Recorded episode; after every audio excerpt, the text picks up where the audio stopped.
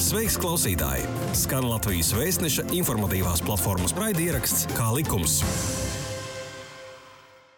Skan Lat oficiālā izdevēja Latvijas vēstnesis raidieraksts Kā likums. Ieviešot noziedzīgi iegūt līdzekļu legalizācijas un terorismu proliferācijas finansēšanas novēršanas likuma prasības, ir būtiski mainījies uzņēmuma reģistra darbs tiek nodrošināta informācija no 14 dažādiem reģistriem, kā arī skrupulos tiek vērtēts, lai visas juridiskās personas, kuras to vien var, atklātu savus patiesā labuma guvējus. Par šiem jautājumiem šodien saruna ar uzņēmuma reģistra galveno valsts notāru, notāri Gunu Paideri. Labdien, Guna! Labdien! 2. februārī stājās spēkā grozījuma likumā par Latvijas Republikas uzņēmuma reģistru un grozījuma komercijas likumā, kas paredz, ka turpmāk uzņēmuma reģistrs sniegs pakalpojumus tikai attālināti. Kādi pakalpojumi vairs netiks sniegti klātienē? Kā vispār ir mainījies uzņēmuma reģistra darbs pandēmijas apstākļos? Nu, jāsāk ar to, ka uzņēmuma reģistra strateģiskais mērķis jau vairākus gadus ir virzīties uz elektronisku pakalpojumu sniegšanu Un pandēmija bija tāds uh, labs motivators daudz straujāk ieviest strateģiskos mērķus, jo, protams, ar ārkārtējo situāciju un to, ka piespiedu kārtā bijām spiesti uh, slēgt klātienes klientu apkalpošanu, sapratām, ka diezgan labi varam sniegt visus pakalpojumus attālināti, un pie tā esam palikuši arī pašlaik, un arī uh, turpinājumā neatvērsim klientu apkalpošanas zāles vairāk. Un, ja runājam par šiem grozījumiem, tad jāsaka tā, ka līdz šim arī normatīvais regulējums nebija paredzējis, ka uzņēmuma reģistram pakalpojumi kādi būtu jāsniedz klātienē. Šīs divas opcijas iesniegt dokumentus vai nu elektroniskā formā vai papīra formā. Un ar šiem grozījumiem mēs vienkārši atteicāmies no tādiem specifiskiem pakalpojumiem, kurus sniedz tikai klātienē piemēram, kā parakstu apliecināšana, komercķīlas pieteikuma iesniegšana papīra formā un maksa par klātienes klientu apkalpošanu. Tā kā šie pakalpojumi vairs nav aktuāli vienkārši jaunajā situācijā, un tāpēc arī izgrozīts normatīvais regulējums. Lai īstenot noziedzīgi iegūt līdzekļu legalizācijas un terorismu un proliferācijas finansēšanas novēršanas likuma prasības, jau gadu uzņēmuma reģistram ir palielināts informācijas daudzums, kur ikvienam piedāvā tiešsaistē bez maksas un bez autorizācijas. Kopumā tad ir pieeja nodrošināta 14 reģistriem, piemēram, komercreģistram, biedrību nodibināja reģistram un citiem. Ko bez maksas jebkurš cilvēks var apskatīt uzņēmuma reģistra vestajos reģistros? Kāda informācija viņiem nodara visvairāk? 2020. gads ir bijis tāds arī pavērsiena punkts uzņēmuma reģistrā funkciju izpildē attiecībā uz informācijas pieejamību reģistros. Un no paša uzņēmuma reģistrā dati ir pieejami dažādos veidos, dažādos kanālos, elektroniskā formā. Un viens no veidiem ir datu aplūkošana speciāli radītā tīmekļa vietnē, kur var aplūkot visus reģistru ierakstus un reģistrēto informāciju. To var aplūkot bez maksas, jebkurš. Un daļa dokumenti gan ir pieejami tikai pēc īpaša pieprasījuma, tātad, nu, bet pieejamība ir ļoti plaša. Un uh, ir arī dažādi tehniskie risinājumi, kā saņemt uzņēmuma reģistra datus savās informācijas sistēmās vai pakalpojumu radīšanai. Uh, Tā ka diezgan plašs klāsts, kā var piekļūt reģistru informācijai. Tātad aizvadīts ir pirmais gads, kopš mēs piedāvājam informāciju šādā veidā, un arī no statistikas skatoties, tā, uh, informāciju tīmekļa vietnē ir aplūkojis uh, gandrīz pusotrs miljonus uh, tātad, lietotāji, ir bijuši šie pieprasījumi ļoti daudz, un redzam, ka informācija ir pieprasīta. Um, nevaram gan pateikt, kurš viņu skatās, jo, kā jau minēju, uh, informācija ir pieejama bez uh, autentifikācijas, tātad nenorādot, kurš skatās šo informāciju. Ja mēs runājam par aktuālo, aktuālo informāciju, protams, tie, kas aplūko vēsturisko informāciju vai, vai daļu šo dokumentus, kas ir publiski pieejami, tur gan ir autorizācija, bet jebkurā gadījumā pieejamība plaša, klienti lieto un aplūko datus no uzņēmuma reģistra vestajiem reģistriem. Mm. Tad daļa dokumentu ir pieejama tiešsaistē bez maksas, bet daļa dokumentu ir pieejama ar autorizāciju un arī pēc pieprasījuma. Sakiet, kādi dokumenti ir, kas ir pieejami ar autorizāciju un pēc pieprasījuma? Vieglāk gan ir uzskaitīt dokumentus, kas ir pieejami publiski, jo likumā šis uzskaitījums ir detalizēti noteikts. Tātad visi dokumenti, kuri tiek uzņēmuma reģistrā iesniegti ar mērķi, lai tie būtu publiski pieejami, kā piemēram statūti, dibināšanas līgumi, gada pārskati un vēl vairāki dokumenti. Bet ir virkne dokumenti, kuri būs pieejami tikai pēc pieprasījuma, jo vienkārši tie nav tādi tipveidi un bieži vien tur parādās fizisko personu dati, un pirms mēs izsniedzam šos dokumentus, uh, mums ir arī mm, uh, jāapskatās, kāds ir šis datu apjoms dokumentā un iespējams kāda fizisko personu dati jāizklāj. Nu, kā piemēru var minēt kaut vai pieteikumu veidlapu uzņēmumu reģistram vai, vai mantiskā ieguldījuma novērtējumu, kad tiek apmaksāts pamatkapitāls ar mantisko ieguldījumu vai dalībnieku sapulču protokoli. Bet ir vēl arī virkne citu dokumentu, kas nav pieejami uzreiz, automātiski ar vienu klikšķi, bet kur ir jāpieprasa uzņēmuma reģistram. Patieso labumu guvēju atklāšanas pienākums visām juridiskajām personām bija noteikts līdz 2018. gada 1. martam, tātad jau pirms trim gadiem.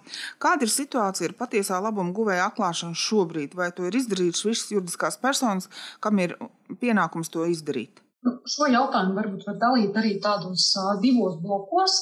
Ja mēs skatāmies uz komercvidi, uz uzņēmumiem, tad es gribētu teikt, ka situācija ir ļoti laba, jo faktiski 99% komersantu ir atklājuši informāciju par saviem patiesajiem labuma guvējiem. Nedaudz sliktāka situācija ir ar NVO sektoru.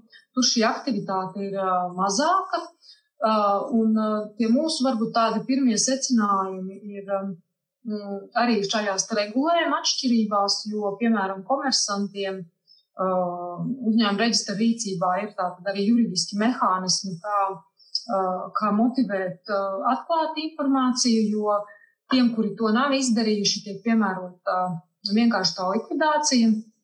Ar tādu domu, ka mēs gribam, lai mūsu uzņēmēja darbības vidē darbojās caurskatāmi uzņēmumi, kur mēs zinām, kas aiz tiem stāv, kādas fiziskās personas. Un, ja nevēl at, nevēlas atklāties, tad seko šī likvidācijas procedūra. Savukārt NVO sektorā mums šādu līdzekļu nav. Un tad nu, tā aktivitāte arī ir zemāka, jo nav īsti arī tā mehānisma, kā, kā daudz ātrāk piespiest atklāt šo informāciju. Bet kopumā skatoties, ja mēs skatāmies uz visiem reģistriem, tad uz 2020. gada beigām patiesos labumu guvējus bija atklājuši 85% juridisko personu. Ja runājam par nevalstisko sektoru, tad pat Labanas saimnes komisijā iet debatas par to, kā kā tad atvieglot nevalstiskām organizācijām sadarbību ar banku un arī droši vien par patiesā labuma guvējiem. Un nereti ir tā, ka nevalstiskā organizācija īstenībā nav ko uzrādīt, kas ir patiesā labuma guvējs, ja viņi tiešām strādā tādas sabiedrības interesēs. Vai tas ir viens no aspektiem, kāpēc nu nevar to patiesā labuma guvēju NVO sektors noteikt?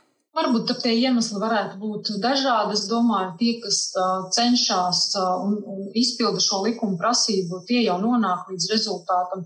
Iespējams, varbūt visas nevalstiskās organizācijas nav sasniegušas šī informācija, ka šis pienākums vispār ir jāizpilda. Varbūt arī tāds aspekts, bet nu, katrā gadījumā tiem, kuri zina zin par šām prasībām, uzņēmuma reģistrs ir arī sagatavojis tādu uh, video sēriju, eh, tātad vairāki video, kur tiek eh, skaidroti dažādi piemēri, kā varētu noteikt, kurš tad ir, piemēram, biedrībā patiesais labuma guvējs. Līdz ar to sniedzam visu atbalstu, lai, lai biedrības varētu izpildīt šīs likuma prasības, bet, nu jā, diemžēl tikai varbūt skaidrojot, nevienmēr sasniedz šos te klientus informāciju, ka vispār šis pienākums ir jāizpilda.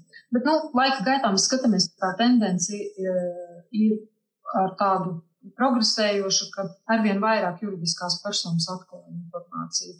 Jo, protams, ka um, saskarās jau ne tikai ar uzņēmumu reģistru, bet arī uh, ar tām pašām bankām vai kādām citām iestādēm, kas norāda, ka šī prasība nav izpildīta un ka tas būtu jāizdara. Nu, viens ir atklāt patiesā labuma guvējs, otrs ir cik patiesa ir šī informācija. Jo daudzas iestādes, īpaši kredītiestādes, izmanto uzņēmuma reģistra datus, lai noskaidrotu savu klientu patiesā labuma guvējus. Un, un datu laika gaitā var mainīties, un patiesā labuma guvēja atkal var būt pēc kāda laika kādi citi. Kā uzņēmuma reģistrs seko līdzi, lai informācija uh, reģistrā būtu patiesa, lai tie patiesā labuma guvēji tiešām būtu tie, kas, kas ir norādīti. Nu jā, te varbūt tās um, divi, tā, divi tādi mehānismi. Viens ir, protams, pie reģistrācijas, tad, kad mēs saņemam informāciju mm, par jaunu patieso labumu guvēju, vai arī, ja pašā uzņēmumā, piemēram, mainās īpašnieki vai valde, uh, tad arī vienmēr pieprasām, lai tiek atklāta informācija, un uh, uzņēmuma reģistram ir arī tiesības lūgt papildus informāciju, lai uh, pārliecinātos par šīs iesniegtās informācijas uzticamību.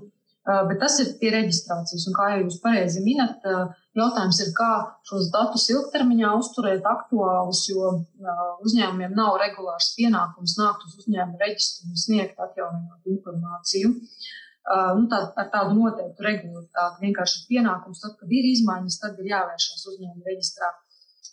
Bet nu, viens no tādiem mehānismiem, lai tomēr nodrošinātu informācijas aktualitāti, ir sadarbība ar likuma subjektiem, tātad ar privāto sektoru, kuriem ir pienākums pie savu klientu izpētes arī ielūkoties uzņēmuma reģistra informācijā. Un, ja tiek konstatēts, ka tā informācija, kas ir likuma subjekta rīcībā, veicot klientu izpēti, atšķirās no tā, kas ir fiksēta uzņēmuma reģistrā, tad ir jāsniedz šim likuma subjektam ziņojums uzņēmuma reģistram, ka informācija atšķirās. Un tad jau tālāk šo informāciju uzņēmuma reģistrs apstrādā, paskatoties, vai uzņēmuma reģistrā visas reģistrācijas darbības ir veiktas korekti. Un, ja redzam, ka, nu, ka tā nav uzņēmuma reģistra kļūda pie reģistrācijas, tad informācija tiek nodota valsts policija jau tālāk izvērtēšanai, vai ir uzsākams krimināla process par nepatiesu uz viņu sniegšanu. Līdz ar to šis ir tāds dzīves mehānisms, kad uzņēmēji vai, vai subjekti, ka viņi dodas pie pakalpojumu sniedzējiem, kuri tā tad ir noziedzīgi iegūtu līdzekļu legalizācijas novēršanas likuma subjekti, kuriem ir pienākums veikt savu klientu izpēti. Tātad šajā brīdī regulāri notiek šīs informācijas salīdzināšana un par neatbilstībām mēs uzzinām. Mhm. Sakiet, cik ir bijušas tādas neatbilstības patiesā labuma guvēja datos um, sadarbībā ar likuma subjektiem, ko jūs esat konstatējuši un nodevuši uh, izmeklēšanai valsts policijai? Jāsaka, ka šis mehānisms darbojās no 2020. gada vidus, tātad pagājis ir pirmais pusgads, un uh, esam saņēmuši uh, aptuveni 300 uh, ziņojumus no likuma subjektiem, ka informācija nesakrīt. Uh, un uh, gandrīz arī visi šie ziņojumi ir tālāk nodoti uh, policijai. Un vismaz informācija, kas ir uzņēmuma reģistra rīcībā, tad par nedaudz vairāk kā simts ziņojumiem ir uzsākts krimināla process. Mums, protams, nav pilna informācija, jo valsts policijai nav pienākums informēt uzņēmumu reģistru, kas notiek ar šiem procesiem. Bet, nu, mēs daļai arī saņemam šo informāciju un redzam, no savas puses varam informēt, ka jā, jo vairāk kā simts gadījumos ir uzsākts krimināla process. Kā likums? Kā likums? Jā, tu klausies Latvijas Vēstneša informatīvās platformas raidierakstu Kā likums. Un sakiet, kas tie ir par uzņēmumiem, kuriem dati, neat, dati par patiesā labuma guvējiem neatbilst? Vai tas ir komercsabiedrības, vai tas ir nevalstiskais sektors? Nu, vairāk dominē komerces sektors. Iepriekš esat teikusi, nu, ka ir diezgan utopiski domāt, ka nonāksim situācijā, kad pilnīgi visi atklās taisnību un, un reģistrs būs kā spogulis simtprocentīgi faktiskajai situācijai. Bet kā jūs tomēr domājat, vai tas, ka patiesā labuma guvēja ir jāatklāj, vai tas to, to uzņēmējdarbības vidi rada, rāda caurspīdīgāku un patiesāku? Kāda ir tā situācija?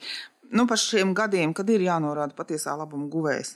Es domāju, noteikti, ka tā situācija ir uzlabojusies, jo nu, mūsu uzņēmēja darbības vide arī dēļ šīs šī pienākuma atklāt patiesos labumu guvējus, ka mēs zinām arī tajos gadījumos, ka kā kapitāla daļu īpašnieki, piemēram, parādās juridiskas personas, nu, ka mēs uzreiz aplūkojot datus par šo mm, uzņēmumu, redzam arī, kurš tad ir šī te, fiziskā persona, kas stāv visas ķēdes galā. Tas noteikti uzlabo šo caurspīdību, bet arī no tādas praktiskās dzīves, tas vien, ka uzņēmuma reģistra dati ir pieejami bez maksas tādā plašā apjomā, Tas arī uzlabo uzņēmējdarbības vidas tādu drošumu un, un caurspīdīgumu, jo citreiz jau arī svarīgi ir tā informācija, ne kurš, kurš ir patiesais labuma guvējs, bet vienkārši kurš pārstāv uzņēmumu, kurš var parakstīt šī uzņēmuma vārdā dokumentus, jo to mēs arī no prakses redzam, ja agrāk arī mēs saņēmām tādas sūdzības un zvanus, ka ir noslēgti darījumi, kad kāda persona ir uzdevusies par, par parakstiesīgo personu. Tagad šī brīvā datu pieeja arī reāli uzlabo šo drošību, jo jebkurš ja jebkurā brīdī var paskatīties par savu sadarbības partneri, pamat informāciju un, un droši slēgt darījumus. Šobrīd saimā skata steidzamības kārtā grozījums noziedzīgi iegūt līdzekļu legalizācijas un terorismu proliferācijas finansēšanas novēršanas likumā, lai vienotos par tādu kopīgu klientu izpētes rīku, jo likuma subjekti ir teikuši, ka viņiem ļoti daudz laika ir vajadzīgs, lai sameklētu informāciju dažādos valsts reģistros par uh, saviem klientiem. Nu, piemēram, valsts ieņem dienestā par politiski nozīmīgo nozīmīgām personām, finanšu izlūkošanas dienestā par jāskatās teroristu sarakstu, vai klients nav, nav tajā iekļauts. Ja? Kā jūs domājat, vai šāda vienota kopīga klienta izpētes rīka radīšana atvieglos tā klienta izpēti likuma subjektiem? Es domāju, noteikti, ka, protams, ka viens informācijas avots noteikti atvieglos informācijas izpēti un uh, Jo, nu, protams, tas ir saprotams, jo vairākos reģistros ir jāmeklē informācija, tad uh, ir vairāki klikšķi, un katrs klikšķis ir sekundes un beigās minūtes. Un, uh, tas pagarina to laiku, ko varbūt jūs pavadat pie viena, viena klienta izpētes un, un, un tās situācijas uh, apskatīšanas. Uh, tā ka noteikti ieguvums būs. Un uh, otra lieta, varbūt arī, kāpēc šis klientu izpētes uh, rīks varētu būt vērtīgs, ir, mm, ka tajā būtu informācija ne tikai no šīs publiski pieejamās informācijas, bet arī uh, ierobežotas pieejamības informācijas no valsts reģistriem, piemēram, tā skaitā arī no uzņēmuma reģistra, ka šī daļa uh, dokumentu nav pieejama tādā pavisam brīvā apritē. Uh, tas arī tomēr caur varbūt vienu kādu elektronisku risinājumu piekļuve uh, šai informācijai arī varētu atvieglot likuma subjektu uh, darbu. Šobrīd ir likuma grozījumos noteikts, ka šādu vienoto kopīgo klientu izpētes rīku radīs privātie komersanti, un, un tas būs par maksu. Vai jūs, prāt, ar laiku valstī vajadzētu pašai pilnveidot savus reģistrus un kaut kā arī palīdzēt, lai likuma subjektiem um, nu, tā informācija nebūtu liela daļa par maksu, jo viņi, likuma subjekti daudz par to ir kritizējuši, ka ir pienākums nodrošināt informāciju bez maksas, bet tomēr daudz informācija ir par maksu. Nu, man grūti spriest par to uh, vispārējo situāciju, nu, no uzņēmuma reģistra informācija ir pieejama bez maksas. Uh, bet, manuprāt, te ir arī jāskatās, kā šī situācija attīstās. Jo nu, pašlaik ar šo regulējumu tiek dota iespēja no, privātam sektoram radīt tātad atbilstošus rīkus, kas ir vajadzīgs uh, likuma subjektiem. Un katrā gadījumā, ja laika gaitā tiks novēro, novērots, nu, ja ir kaut kādas problēmas ar šo mehānismu, es domāju, ka atbildīgās institūcijas noteikti meklēs risinājumus, kā panākt, ka likuma subjekti var izpildīt likumā nodās prasības. Bet es domāju, ka vienkārši ir jāiet soli pa solim un jāskatās, kā šis mehānisms iedzīvināsies praksē. Un tad jāskatās, vai tas ir, vai tas ir jāpārņem no valsts pusē un jāorganizē, vai privātais sektors lieliski ar to tiek galā. Informācija par patiesā labuma guvējiem tagad ir pieejama uzņēmuma reģistra tīmekļa vietnē un arī Latvijas atvērto datu portālā. Bet nu, informācija par patiesā labuma guvējiem vairāk tika Atklāta tāpēc, lai, lai izpildītu monētas prasības un lai novērstu naudas atmazgāšanas schēmas.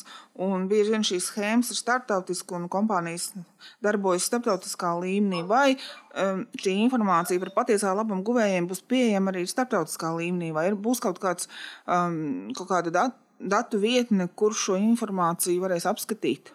Um, jā, datu pieejamībai starptautiskā līmenī noteikti ir, uh, ir, ir, ir izšķiroša īstenībā nozīme, jo uh, noziedzīgi iegūt līdzekļu terorismu finansēšanas schēmas arī iet pāri robežām, un uh, datu pieejamība ir ārkārtīgi svarīga. Un, um, Tāpēc ir ļoti labi, ka ir dažādas privātas iniciatīvas, kur mēģina apkopot šo informāciju, bet Eiropas Savienības līmenī, tātad izpildot AML 5. direktīvu, ieviešot viņu praksē, ir paredzēts, ka Eiropas Savienības patieso labumu guvēju reģistri darbosies vienotā platformā, kur informācija būs pieejama gan reģistriem savstarpēji, gan arī likuma subjektiem, kas noteikti uzlabos to situāciju arī šo schēmu atklāšanā. Un arī īstenībā mazinās slogu pašiem uzņēmējiem, godīgajiem uzņēmējiem, kur varbūt jau kādā dalībvalstī ir snieguši informāciju, ja, reģistri, piemēram, varēs aplūkot šo informāciju pietiekamā apmērā, tad nebūs vairs jāsniedz uzņēmumu registram kaut kāda apliecināta dokumenta no citiem reģistriem, un tā pieejamība jau būs nākamajā līmenī. Tas, ko paredz šī AML 5. direktīva, ir mm, tā, tādas vienotas platformas izveide Eiropas Savienības līmenī, un pašlaik termiņš, kad testa režīmā varētu šādu datu apmaiņu jau sākt darboties, varētu būt jau šī gada beigas. Bet, nu, protams, tas ir tāds apjomīgs IT risinājums, kur Eiropas komisija izstrādā centrālo šo platformu un visām dalībvalstīm ir jāpieslēdzas. Tā ka, nu, cerams, ka tie plānotie termiņi izdosies, bet nu, katrā gadījumā tas nav tāds tāda tāla doma vai vīzija, ka kaut kas tas notiks, tas notiks jau pavisam drīz un ir jau uzsākti šie praktiskie soļi, lai, lai datu apmaiņa notiktu. Un arī uzņēmuma reģistrs no savas puses šajā starplaikā, kamēr nav tā informācija vismaz Eiropas Savienības līmenī pieejama, arī attīsta šos gan atvērtos datus, arī publicēt ne tikai varbūt Latvijas atvērto datu portālā vai uzņēmuma reģistrs pats savā mājaslapā, bet arī citās platformās, kur mēs varam šos datus atvērtā veidā piedāvāt, lai tos var izmantot citi interesanti arī ārpus valsts robežām. Un sakiet, lūdzu, patiesā labuma guvēja atklāšana starptautiskā līmenī tiem likuma subjektiem būs pieejama par maksu, ja bez maksas? Šādu niansu uzreiz nevarēšu nokomentēt, bet nu, katrā gadījumā no uzņēmuma reģistra puses arī skatoties, kā mēs pievienosimies šai platformai, maksa nav paredzēta.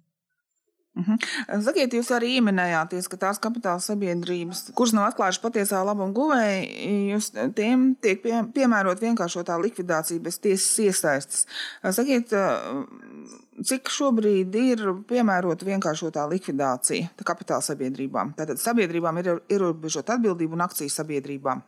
Jā, nu tāda detalizēta statistika par to, cik ir tieši tikai dēļ tam, ka nav patiesie labumu guvēji atklāti, uh, mums uh, nebūs, bet uh, ir trīs gadījumi, kad uzņēmuma reģistrs var uh, tātad vienkārši tās likvidācijas kārtībā izslēgt komersantu no reģistra, kas ir neatrašanās juridiskā adresē, nav valdes vai nav atklāti patiesie labumu guvēji Un tad ir vēl ceturtais, kur ir valsts ieņēmuma dienas iniciatīva. Un, um, un tad, ja mēs skatāmies um, šo statistiku, uh, tad uh, pēdējo trīs gadu laikā no reģistra vienkāršās likvidācijas kārtībā ir izslēgta gandrīz 42 tūkstoši komersantu.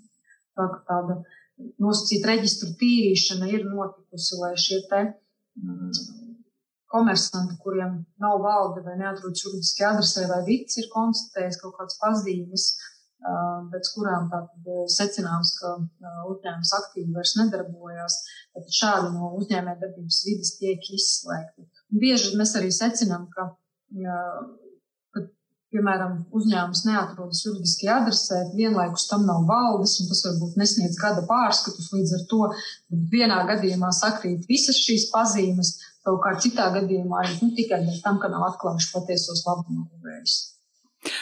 Sakiet, kā tehnoloģiski uzņēmumi reģistrē tiek galā ar šiem jauniem pienākumiem? Vienkārši nesen intervijā ar Tieslietu ministru Jānu Bordānu mēs tieši runājām par tehnoloģisko iespējamību. Viņš teica, ka no Eiropas atvesļošanas fonda būtu labi uzņēmuma reģistra tehnoloģiskām vajadzībām pāris miljonus eiro atvēlēts, jo uzņēmuma reģistrs strādā ar 98. gadā nu, pamatā bāzētām tehnoloģijām, kas tajā laikā IT tehnoloģijas bija ļoti labas, bet šobrīd tā, tā jau ir sena pagātne. Kā jūs nu, risiniet to tehnoloģisko pusi? Jā, pašlaik tā tehnoloģiskā puse ir izaicinājums, jo jūs jau pareizi norādat, tas pamata risinājums, ar kuru mēs strādājam, ir 98. gadā radīts. Un varbūt nu, neteiksim tā, ka tehnoloģijas tur ir labas vai sliktas, vienkārši laiks iet uz priekšu. Un arī šo gadu laikā ir ļoti bieži mainījies normatīvais regulējums, un šis IT risinājums ir palicis ļoti smagnējs. Mums ir ievērojami līdzekļi jānovirza uzturēšanā, kā arī mēs nespējam vairs tik raiti ieviest normatīvu aktu izmaiņas. Mums ir vajadzīgs gan lielāks finansējums, gan, gan vairāk laika, lai pielāgotos normatīvu aktu izmaiņām. Un līdz ar to ir pēdējais brīdis tiešām veikt šos ieguldījumus IT attīstībā, uh, lai jau mēs varētu nākamajā līmenī jau apkalpot gan klientus, gan e-pakalpojumus uzlabojot, gan arī kā mēs veicam dažādas pārbaudas. Uh, tas līmenis, kā mēs pašlaik strādājam, uh, ir, ir labs, jo ļoti daudz kas notiek automatizēti, pārbaudas citos reģistros vai, vai kaut kādas datu salīdzināšanas un tam līdzīgi. Bet uh, skatoties, kā attīstās citi Eiropas reģistri, mēs redzam, ka uh, tiešām ir kritiski nepieciešami šie ieguldījumi, lai mēs neatpaliktu. Pašlaik mēs vēl turamies un uh, kaut kur īstermiņā skatāmies, kā mēs varam kaut ko varbūt manuāli ar cilvēku resursu izdarīt, uh, bet uh, loģiskāk būtu šo, šīs lietas atrisināt ar IT risinājumiem. Paldies jums par sarunu! Atgādinu, ka jūs klausījāties raidierakstu kā likums, un uh, ierakstā piedalījās uzņēmuma reģistra galvenā valsts notāra Guna Paidere. Šī bija iknedēļas pusstunda kopā ar oficiālā izdevēja Latvijas vēstneses informatīvās platformas raidierakstu Kā likums. Pastāsti citiem, ja bija noderīgi un interesanti. Kā likums, tiekamies ik trešdienu!